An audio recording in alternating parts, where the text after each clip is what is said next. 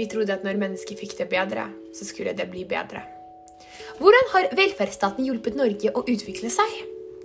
I dag skal vi prate om hvordan velferdsstaten har utviklet seg i Norge over tid, og hvordan dette har påvirket ulike sosiale grupper og sosiale ulikheter. Vi skal også se nærmere på sosiale endringer i Norge, og hvordan samfunnet vårt har blitt organisert.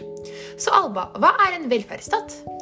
En velferdsstat er jo en stat som i betydelig grad garanterer samfunnets medlemmer hjelp hvis Aha. de skulle komme ut for helsesvikt, sosial nød eller tap av inntekt f.eks. ved arbeidsledighet eller alderdom, og som sikrer den enkelte rett til utdannelse. Og velferdsstaten den omfatter jo en lang rekke offentlige ordninger, hvis du vil nevne noen. Ja, jeg vet jo at det er sosialpolitiske ordninger som alders- og uførepensjon, arbeidsledighetstrygd og sosialstøtte. Vi har også noen ordninger angående helse- og omsorgstjenester, sykehus og aldershjem f.eks. Og også andre utdanningsinstitusjoner som vi også går på. Skole, universitet, familiepolitiske ordninger, barnetrygd, foreldrepermisjon osv. Ja, hvorfor har vi en velferdsstat? Eller jeg, som, som jeg forstår, så er det den grunnleggende tanken bak velferdsstaten, som er at staten har påtatt seg ansvaret for å sikre velferden til alle i samfunnet. Ja. Blant annet skal de som ikke er i stand til å forsørge seg selv, få livsopphold. Ja, og bak denne tankegangen så ligger det jo kanskje gjerne et ønske om å unngå konflikter i samfunnet og dermed utvikle samfunnet videre.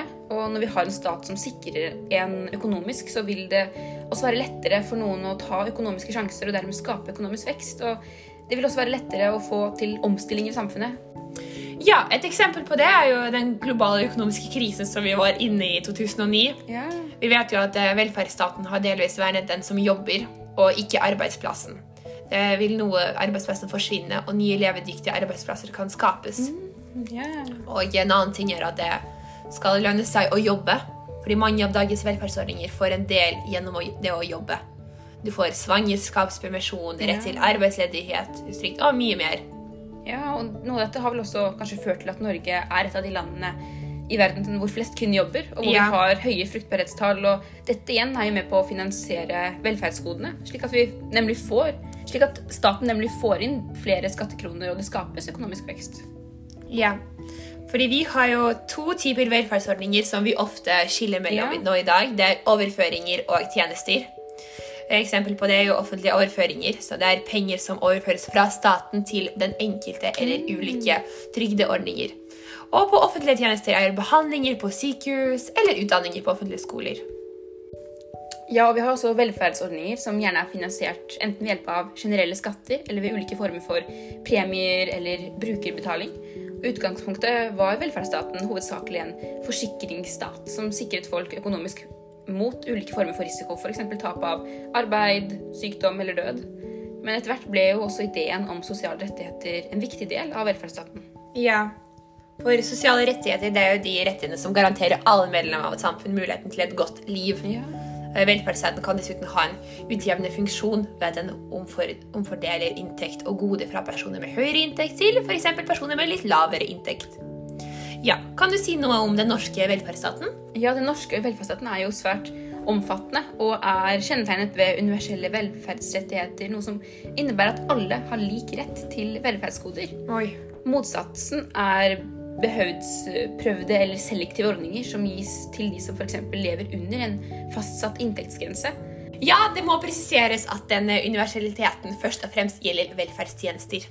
Nordmenn med høy og lav inntekt har samme tilgang til offentlige helsetjenester, utdanning osv. Vi har også offentlige overføringer utover et bestemt minstenivå. Er dermed som regel gradert etter inntekt, med visse unntak, som f.eks. barnetrygden. Ja, ja. Et viktig prinsipp i Norge er jo at de universelle tjenestene skal holde så høy kvalitet at folk med høyere inntekter ikke ser seg nødt til å kjøpe andre tjenester i det private markedet. At de fleste benytter seg av offentlige tjenester, er en forutsetning for oppslutningen av velferdsstaten. Ja, men vi er så lykkelige i Norge at velferdsstaten i stor grad er finansiert gjennom allmenn beskatning. Det vil jo si at eh, skatter går på inntekt, forbruk og formue som ikke er direkte knyttet til velferdsytelser. Ja, vi er også så heldige at de fleste er gratis, og eh, kun en liten egenandel er pålagt. Ja, nettopp. Og ettersom de med høyest inntekt betaler mest skatt, mens offentlige ytelser er relativt likt fordelt utover befolkningen, har den norske velferdsstaten en betydelig omfordelende effekt. Og en omfattende velferdsstat er en av de viktigste grunnene til at inntektsulikheten i Norge er langt mindre enn i mange andre land. Ja, jeg forstår. Ja, Vi har jo også den nordiske modellen, som skiller seg veldig ut. Eh, Hva er egentlig forskjellen liksom, der? liksom? Ja, jeg kan øh, vise oss litt nærmere hva den nordiske modellen er. Vi pleier ofte å skille mellom ulike velferdsmodeller. Det er ganske vanlig. Den nordiske modellen som vi har i Norge, skiller seg ut fra andre modeller. Hos oss har alle rett til ytelsene. Det vil si at de er universelle. Ja. Eksempel gis barnetrygd til alle foreldre med barn under 18 år bosatt i Norge, uavhengig av foreldres inntekt, som er veldig viktig for samfunnet, selvfølgelig. Og ja, Ja, Dessuten er velferdsstaten i hovedsak finansiert gjennom skatter og avgifter. Blant annet bidrar jo alle ved å betale trygdeavgift som en del av skatten. Et av hovedmålene er en omfordeling av inntektene, og på den måten er vi som borgere siktet minimumsinntekt og omsorg, uavhengig av prestasjon i arbeidslivet og status i samfunnet. Ja, det er jo derfor det er et fellestrekk ved de nordiske, nordiske samfunnene at det er høy grad av likhet, Ja. og vi har veldig lite fattigdom når vi sammenligner f.eks. i USA og Ja, i Storbritannia. Ja, det, Der gir staten minste minst, sikring til alle, men overlater mye til privatmarked. Og ytelsene er lave og i stor grad behovsprøvde. Her er det mest trengte som får hjelp, og en ønsker å stimulere til å få folk til å arbeide. Men hvordan har vi utviklet velferdsstaten til det vi har i dag? Hvordan har Norge sett ut før, Alba? Ja, ja, like etter krigen, det her er jo mye man kan se på da. Og like etter krigen fastslo de politiske partiene i et felles program at sosiale trygder skulle utvikles til en folketrygd som omfattet alle. Sosialhjelpsstaten skulle erstattes av en velferdsstat. Og ja, Ja, Vi har også hatt en terrorpolitisk ønske om en folketrygd etter andre verdenskrig som måtte likevel etableres, og etableringen måtte underordnes gjenreisningsbehovene i årene etter krigen. Ja, Det var et stor heldekkende folketrygdsystem som måtte vente til overgangen sånn 1960-1970 år, selv om en- enkelte reformen kom også før. ja, og loven om folketrygd ble jo vedtatt i 1966. Med tillegg fra 1971 omfattende pensjoner, attføringsytelser, syketrygd, arbeidsløshetstrygd og yrkesskadetrygd. Så bra! Lov om sosial omsorg fra 1964 skulle skape en sikkerhetsnett også for, å, også for dem som falt utenfor trygdesystemet og trengte hjelp for å klare seg. Og kommunene utviklet en gradvis, gradvis en, sosi, en egen sosialetat som tok seg av sosialomsorgen på lokalt plan. Ja, det var jo veldig viktig med folketrygdens inntekter, som ble skapt ved et spleiselag mellom medlemmene av trygden, som var ca. arbeidsgiverne og staten. I 1973 fikk vi også en stor forandring med at pensjonsalderen ble senket fra 70 til 67, oh, yeah. og full lønn under sykdom ble innført i 1978. Det var også støtten der man startet å gi støtte til ugifte mødre, også til de skilte og separerte. Flere fikk også rett til fødselspenger med full lønn, som også kom i perioden i disse omtrent 1990. Og i 1991 fikk vi kravet til opptjening av tilleggspensjon, mm. som ble satt litt lavere. Ja, og 1980-årene slo jo en større bevissthet om rettigheter igjennom. Utvidede pasientrettigheter kom inn i lov om kommun kommunehelsetjenesten fra 1982. Og en, ja, en dom fra Høyesterett fra 1990 fastslo at folk har rett til en, et forsvarlig minstenivå på tjenester, uavhengig av kommunens økonomiske situasjon. Og helse- og sosialpolitikken ble i det hele mer rett, rettsliggjort i 1980- og 1990-årene. Ja, denne rettsliggjøringen kunne være et virkemiddel for staten for å oppnå større likhet, kvalitet og effektivitet i helse, også i sosialpolitikken. Langt fra alle som mottok hjelp, var utenfor eh, arbeidslivet. Eh, Gjennom utbyggingen av velferdssystemet ble flere inkludert i ytelser under folketrygd og sosialhjelp. Vi møtte det både innen 70-årene, da det gjaldt mellom 600 000 og 700 000. Også 30 år senere omfattet systemet over 1,5 million. Oi, ja.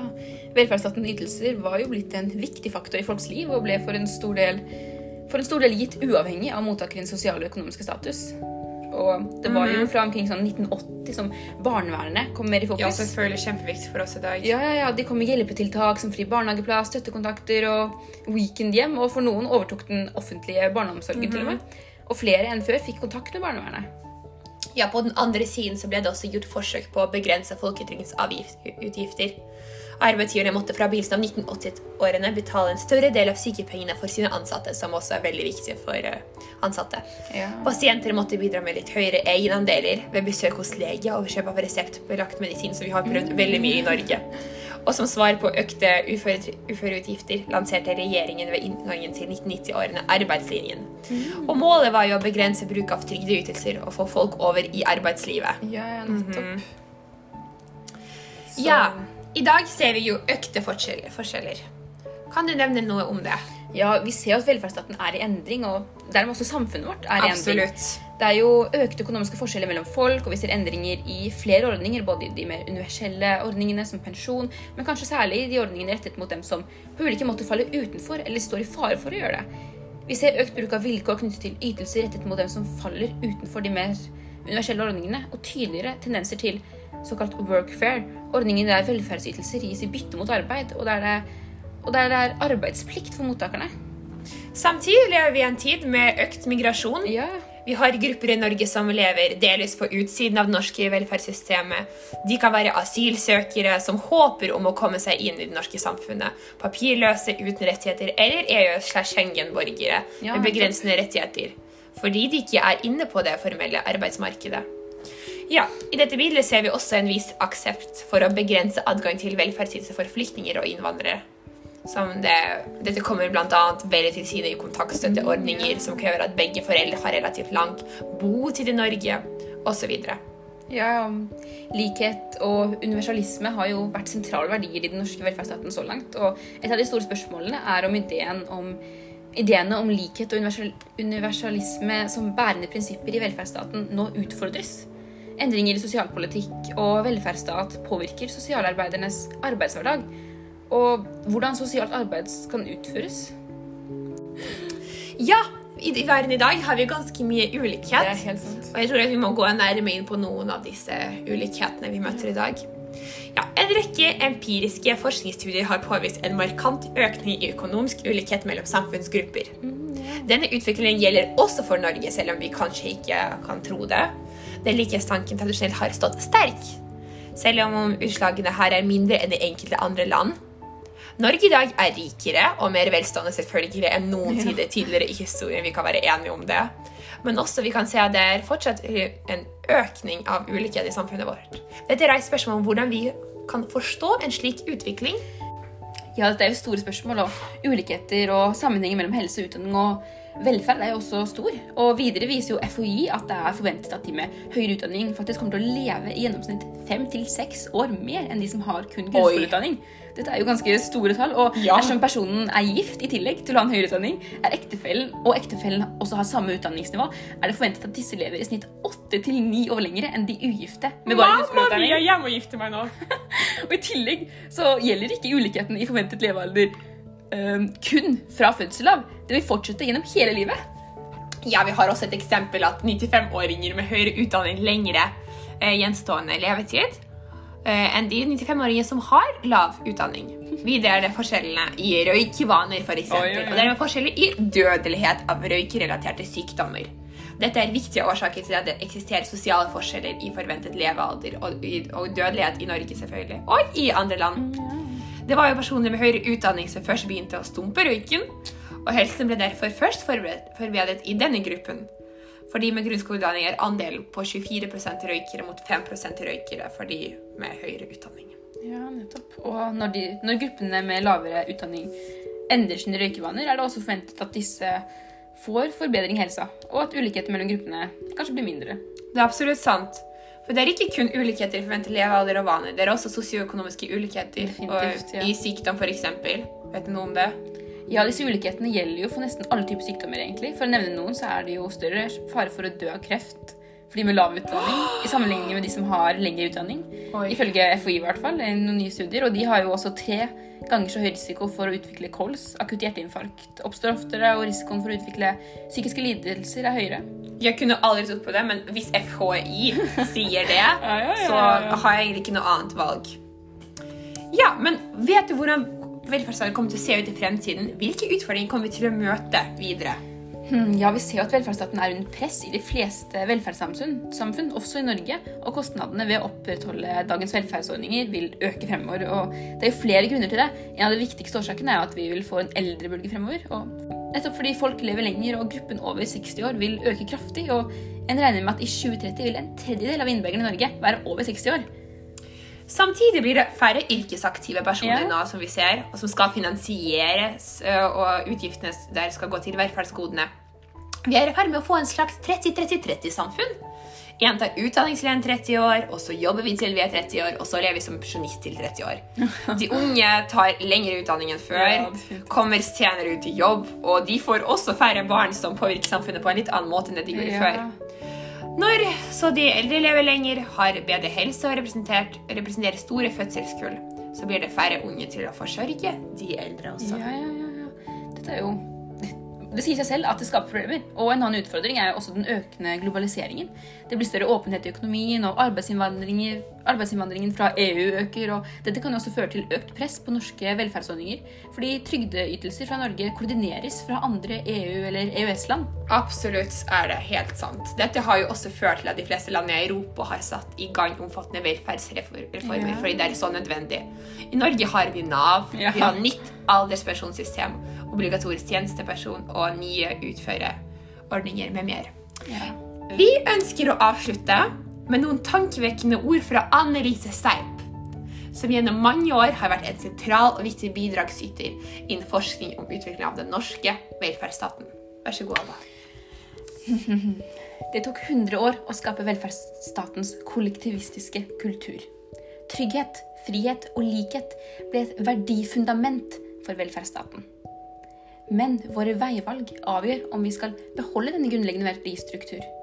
Velger vi oss bort fra den, blir velferdsstaten stående som en historisk epoke. Et enestående samfunnseksperiment som menneskene forlot. Tusen takk, Alba.